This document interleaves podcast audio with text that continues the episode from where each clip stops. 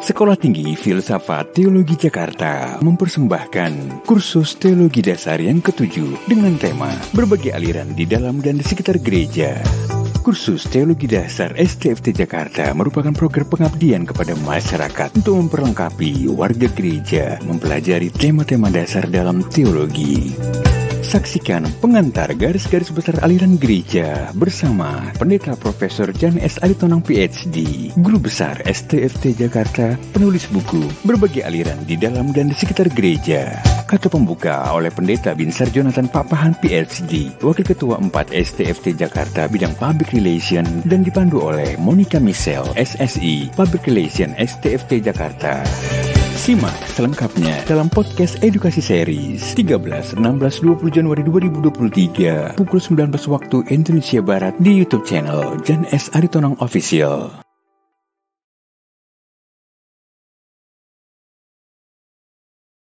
Program dari kantor Wakil Ketua 4 bidang Public Relations yang juga menjadi pengabdian kepada gereja-gereja mengenai isu-isu yang cukup mendasar. Saya lihat ibu bapak adalah ada juga yang sudah cukup sering mengikuti kursus teologi dasar dan kami mengucapkan terima kasih untuk kesetiaan, untuk kebersamaan kita sampai saat ini kita terus bersama. Nah, tema untuk seri ketujuh ini adalah soal berbagai macam aliran di dalam dan sekitar gereja.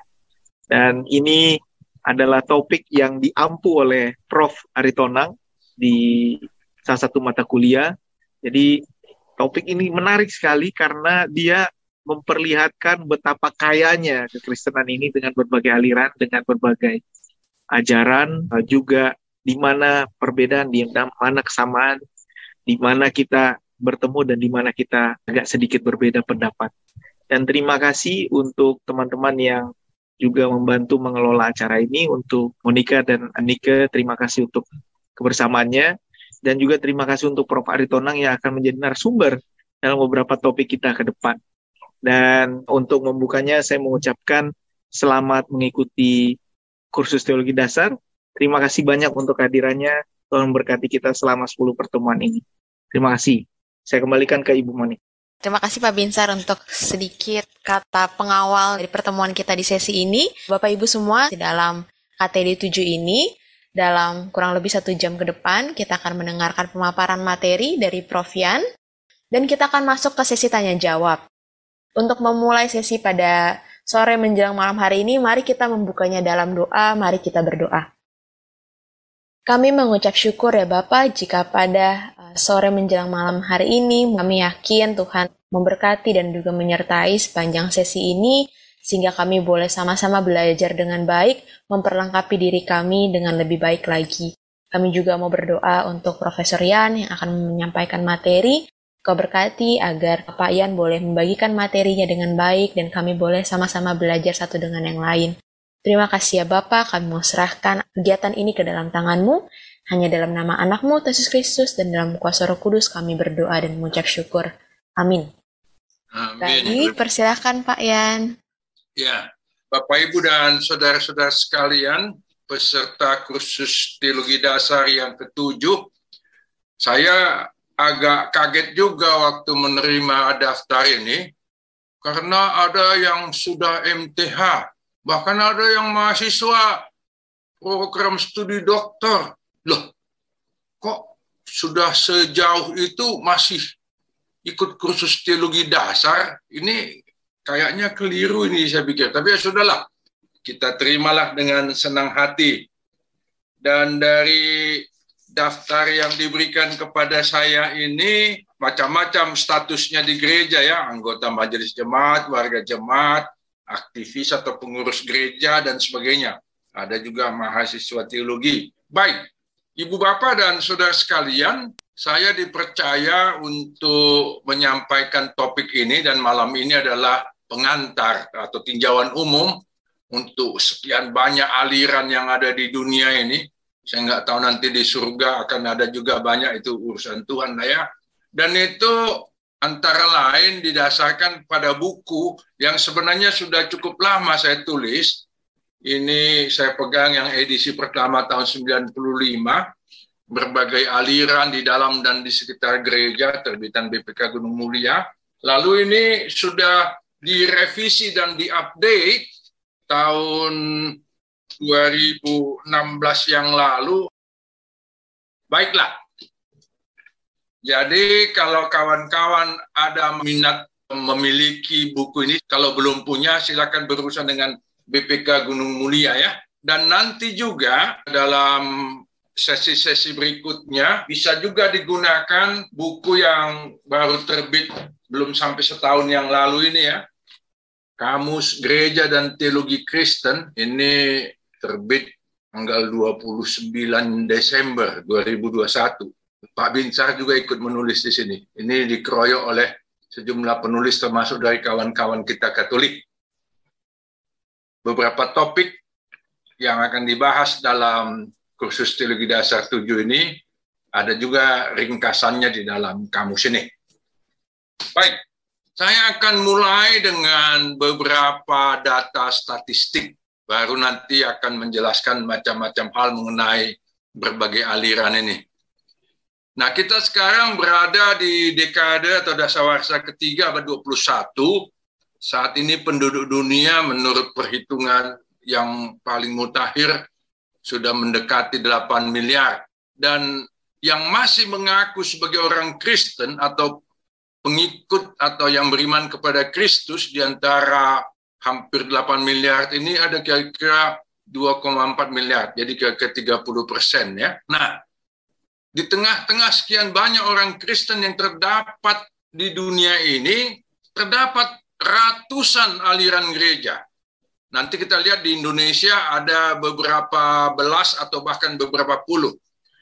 Dan ratusan aliran gereja ini melembaga menjadi lebih kurang 41 ribu organisasi gereja. Bayangkan di dunia ini sekian banyak. Dan di antara kira-kira 2,4 miliar itu, di antara yang lebih kurang 41 ribu organisasi gereja itu, yang paling besar atau yang paling banyak anggotanya adalah Gereja Katolik Roma.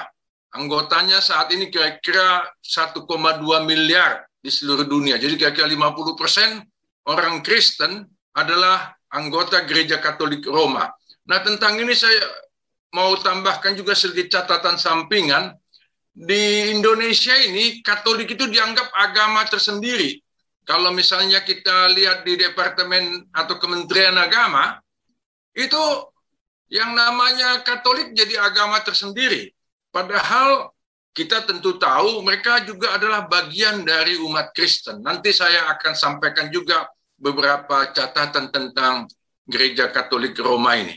Nah, masuk kita ke Indonesia, menurut sensus Badan Pusat Statistik ke kedua tahun yang lalu, umat Kristen itu ke 10 persen di antara penduduk yang lebih kurang 278 juta.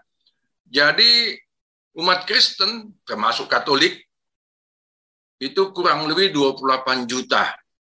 Nah, ini menganut lebih dari 20 aliran gereja dan membentuk lebih dari 400 organisasi gereja. Jadi di Indonesia saja ada lebih dari 400 organisasi gereja. Negara yang organisasi gerejanya yang paling banyak itu adalah Amerika Serikat. Di situ lebih 10 ribu organisasi gereja. Alirannya juga banyak di sana.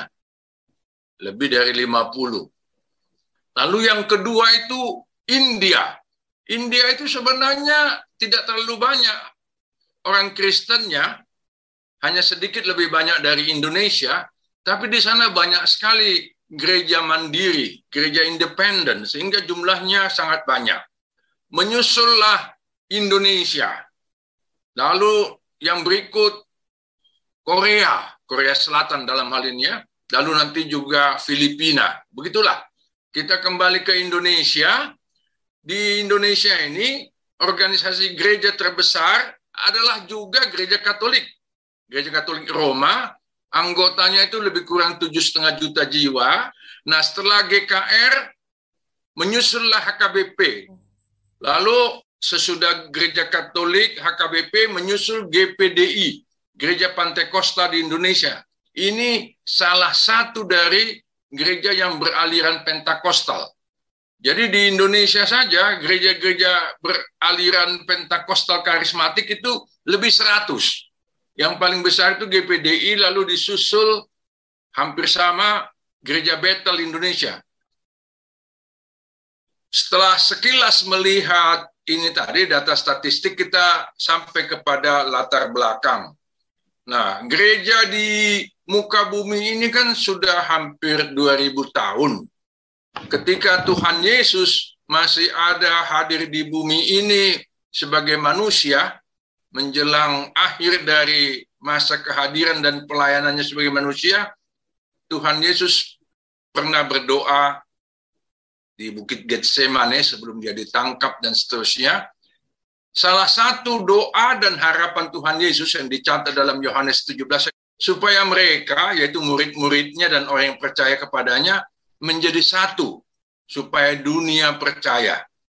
Ini doa Tuhan Yesus hampir 2000 tahun yang lalu dan sampai hari ini doa Tuhan Yesus itu belum menjadi kenyataan.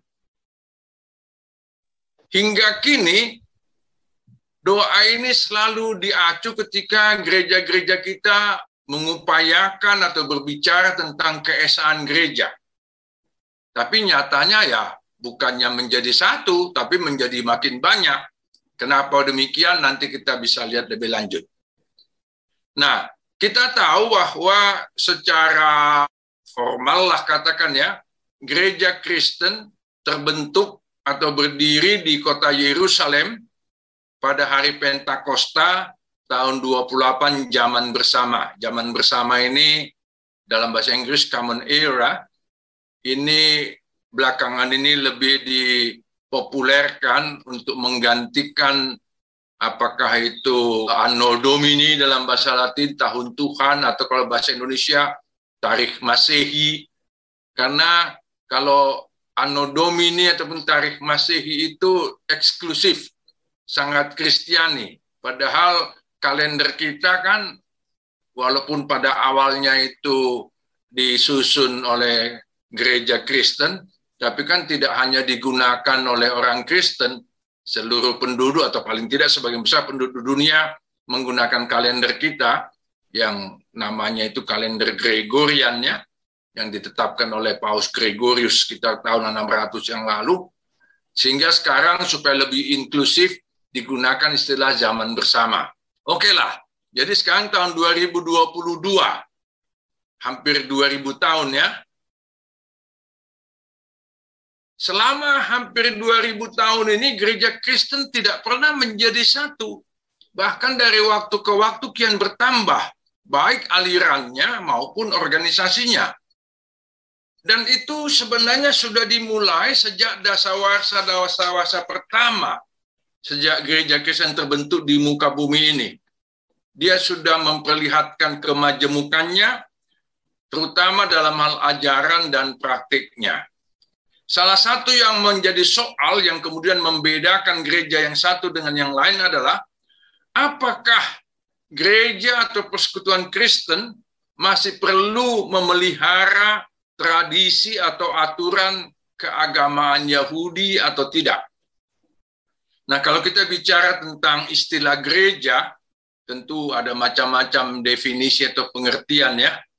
Tapi secara sederhana kan itu berarti persekutuan orang-orang yang beriman kepada Yesus Kristus sebagai Tuhan dan Juru Selamat. Dan gereja itu punya dua dimensi, dimensi katakanlah kerohanian, berarti dia adalah persekutuan. Lalu dimensi yang kedua itu kelembagaan, dia organisasi. Makanya tadi kita lihat di dunia ini lebih kurang 41 ribu organisasi gereja. Nah, jadi perbedaan itu sudah muncul sejak dasawarsa-dasawarsa pertama. Kalau kita membuka Alkitab kita, maka di kisah para rasul 15 sudah berkumpullah wakil dari sejumlah jemaat bersama dengan rasul-rasul, katakanlah itu sebagai semacam sidang sinode pertama, itu belum sampai 20 tahun gereja berdiri, sinode pertama itu diselenggarakan, pertanyaannya tadi itu, apakah gereja atau persatuan Kristen masih perlu memelihara tradisi atau aturan keagamaan Yahudi atau tidak? Nah, ternyata keputusannya pada waktu itu adalah sepakat untuk tidak sepakat. Agree to disagree. Aneh ya? Ya begitulah. Sebab kebanyakan warga Kristen mula-mula, kalau kita baca kisah para Rasul 2 ya, adalah orang Yahudi. Tapi belakangan makin banyak yang berlatar belakang non-Yahudi. Dan mereka masing-masing mendirikan jemaat-jemaat. Jadi kalau misalnya kita lihat jemaat di Roma, itu kan latar belakang utamanya non-Yahudi ya. Tetapi jemaat-jemaat yang di Yerusalem dan di kota-kota lain di Israel sana sampai di sekitar Israel itu itu kan latar belakangnya Yahudi termasuk yang di Arab. Kalau kita baca kisah para rasul dua kan ada juga orang Yahudi diaspora yang pada hari Pentakosta itu berkumpul juga ikut berkumpul di Yerusalem. Nah, nanti mereka kembali ke tempat masing-masing mendirikan jemaat Kristen tapi tetap memelihara tradisi keyahudian mereka. Misalnya puasa, sunat, macam-macam lagi. Nah, Kemajemukan kian bertambah ketika ajaran agama dan filsafat Yunani Romawi semakin masuk ke dalam gereja. Ada itu gnostikisme, kadang-kadang disebut juga gnostisisme. Ada ebionitisme, marsionisme, montanisme, dan sebagainya. Nah, di dalam kamus ini, setiap nama yang barusan saya sebut itu ada penjelasannya. Nah, mereka menjadi Kristen, tetapi ajaran yang sebelumnya mereka miliki atau mereka anut dibawa-bawa juga ke gereja. Misalnya gnostikisme terkenal dengan dualisme ya, pemisahan tubuh dan roh. Tubuh ini jahat, akan binasa total, hanya roh yang selamat, dan seterusnya. Marsionisme membedakan Allah perjanjian lama dengan perjanjian baru. Montanisme sangat menekankan pencurahan Roh Kudus dan akhir zaman dan sebagainya. Nah, nanti dalam perkembangan selanjutnya sebagian dari aliran-aliran ini dan juga penganutnya dicap sebagai bidat, ajaran sesat atau penganut ajaran sesat. Nah, kemajumukan itu kian meningkat ketika gereja memasuki abad kedua dan ketiga. Jadi kan walaupun pada masa itu di lingkungan kekaisaran Romawi gereja mengalami persekusi, tapi justru persekusi itu juga mendorong gereja untuk menyebar dan sekaligus memenuhi amanat Tuhan Yesus ya. Pergilah, jadikanlah semua bangsa muridku dan seterusnya. Nah, ketika orang-orang Kristen ini sementara dipersekusi tapi juga semakin meluas, mereka berjumpa dengan berbagai agama, kepercayaan dan filsafat dan di antara para pemimpinnya terjadi juga perbedaan pendapat tentang beberapa hal. Dan inilah yang terus kita lihat dari waktu ke waktu. Sampai kita ke awal abad keempat, Waktu itu Kaisar Roma namanya Konstantinus Agung, lalu nanti digantikan oleh kaisar-kaisar berikut. Beliau menghentikan persekusi, penghambatan, penganiayaan terhadap gereja, serta mengakui agama Kristen sebagai salah satu agama yang diakui negara, religio licita. Nanti cucunya Theodosius Agung, kalau Kaisar Roma yang Konstantinus itu menetapkan pengakhiran persekusi itu lewat edik Milano, kota Milano kita kenal ya di Italia.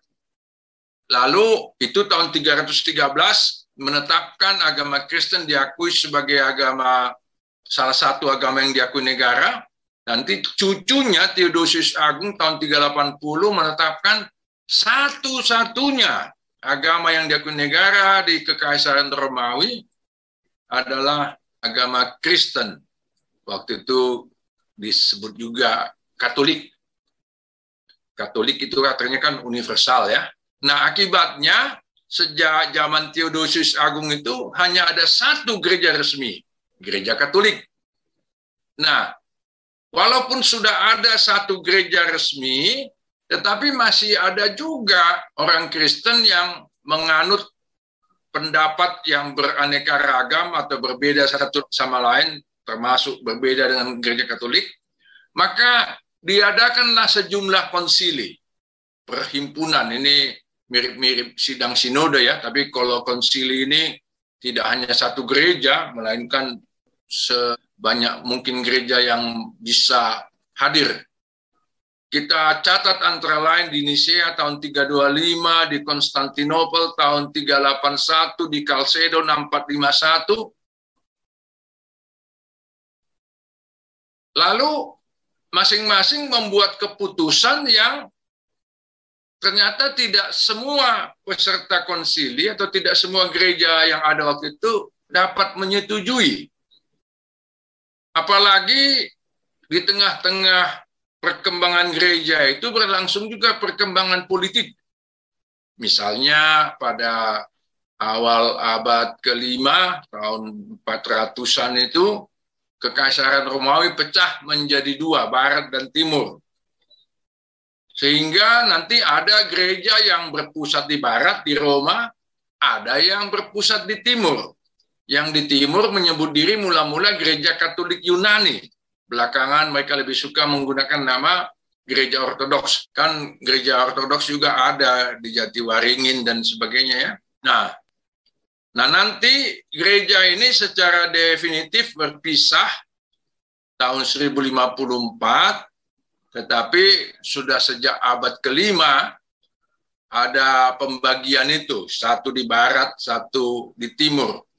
Yang di barat gereja Katolik Roma, yang di timur gereja Katolik Yunani atau gereja Ortodoks. Nah, kemajemukan itu kian meningkat lagi pada abad berikutnya yang sering disebut abad-abad pertengahan tahun 500 sampai 1500 kendati gereja Katolik baik yang berpusat di Roma maupun di Konstantinopel, Romawi Timur ya.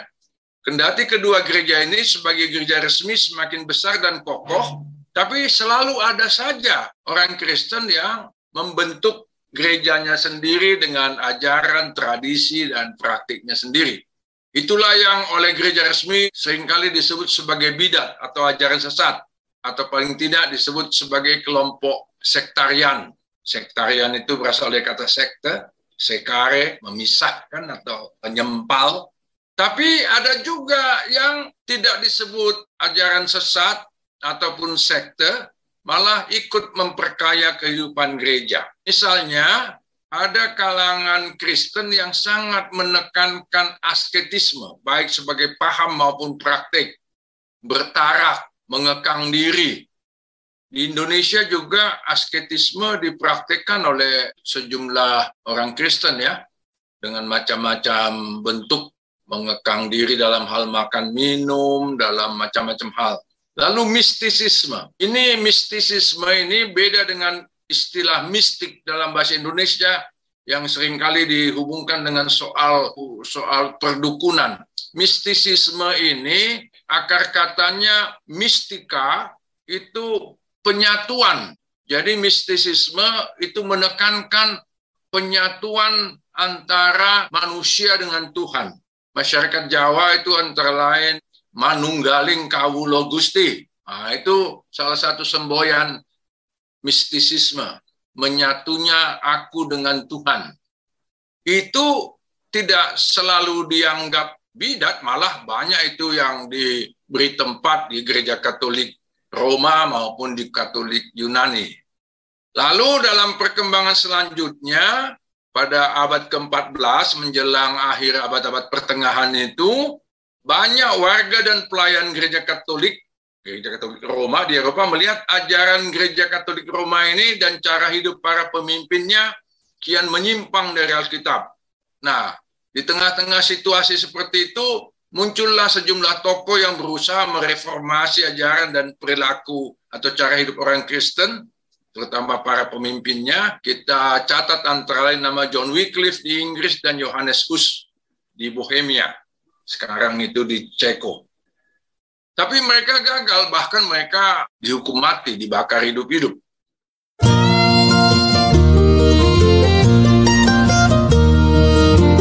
Podcast Edukasi Series Jan S. Aritonang Official Inspiration, Education, Collaboration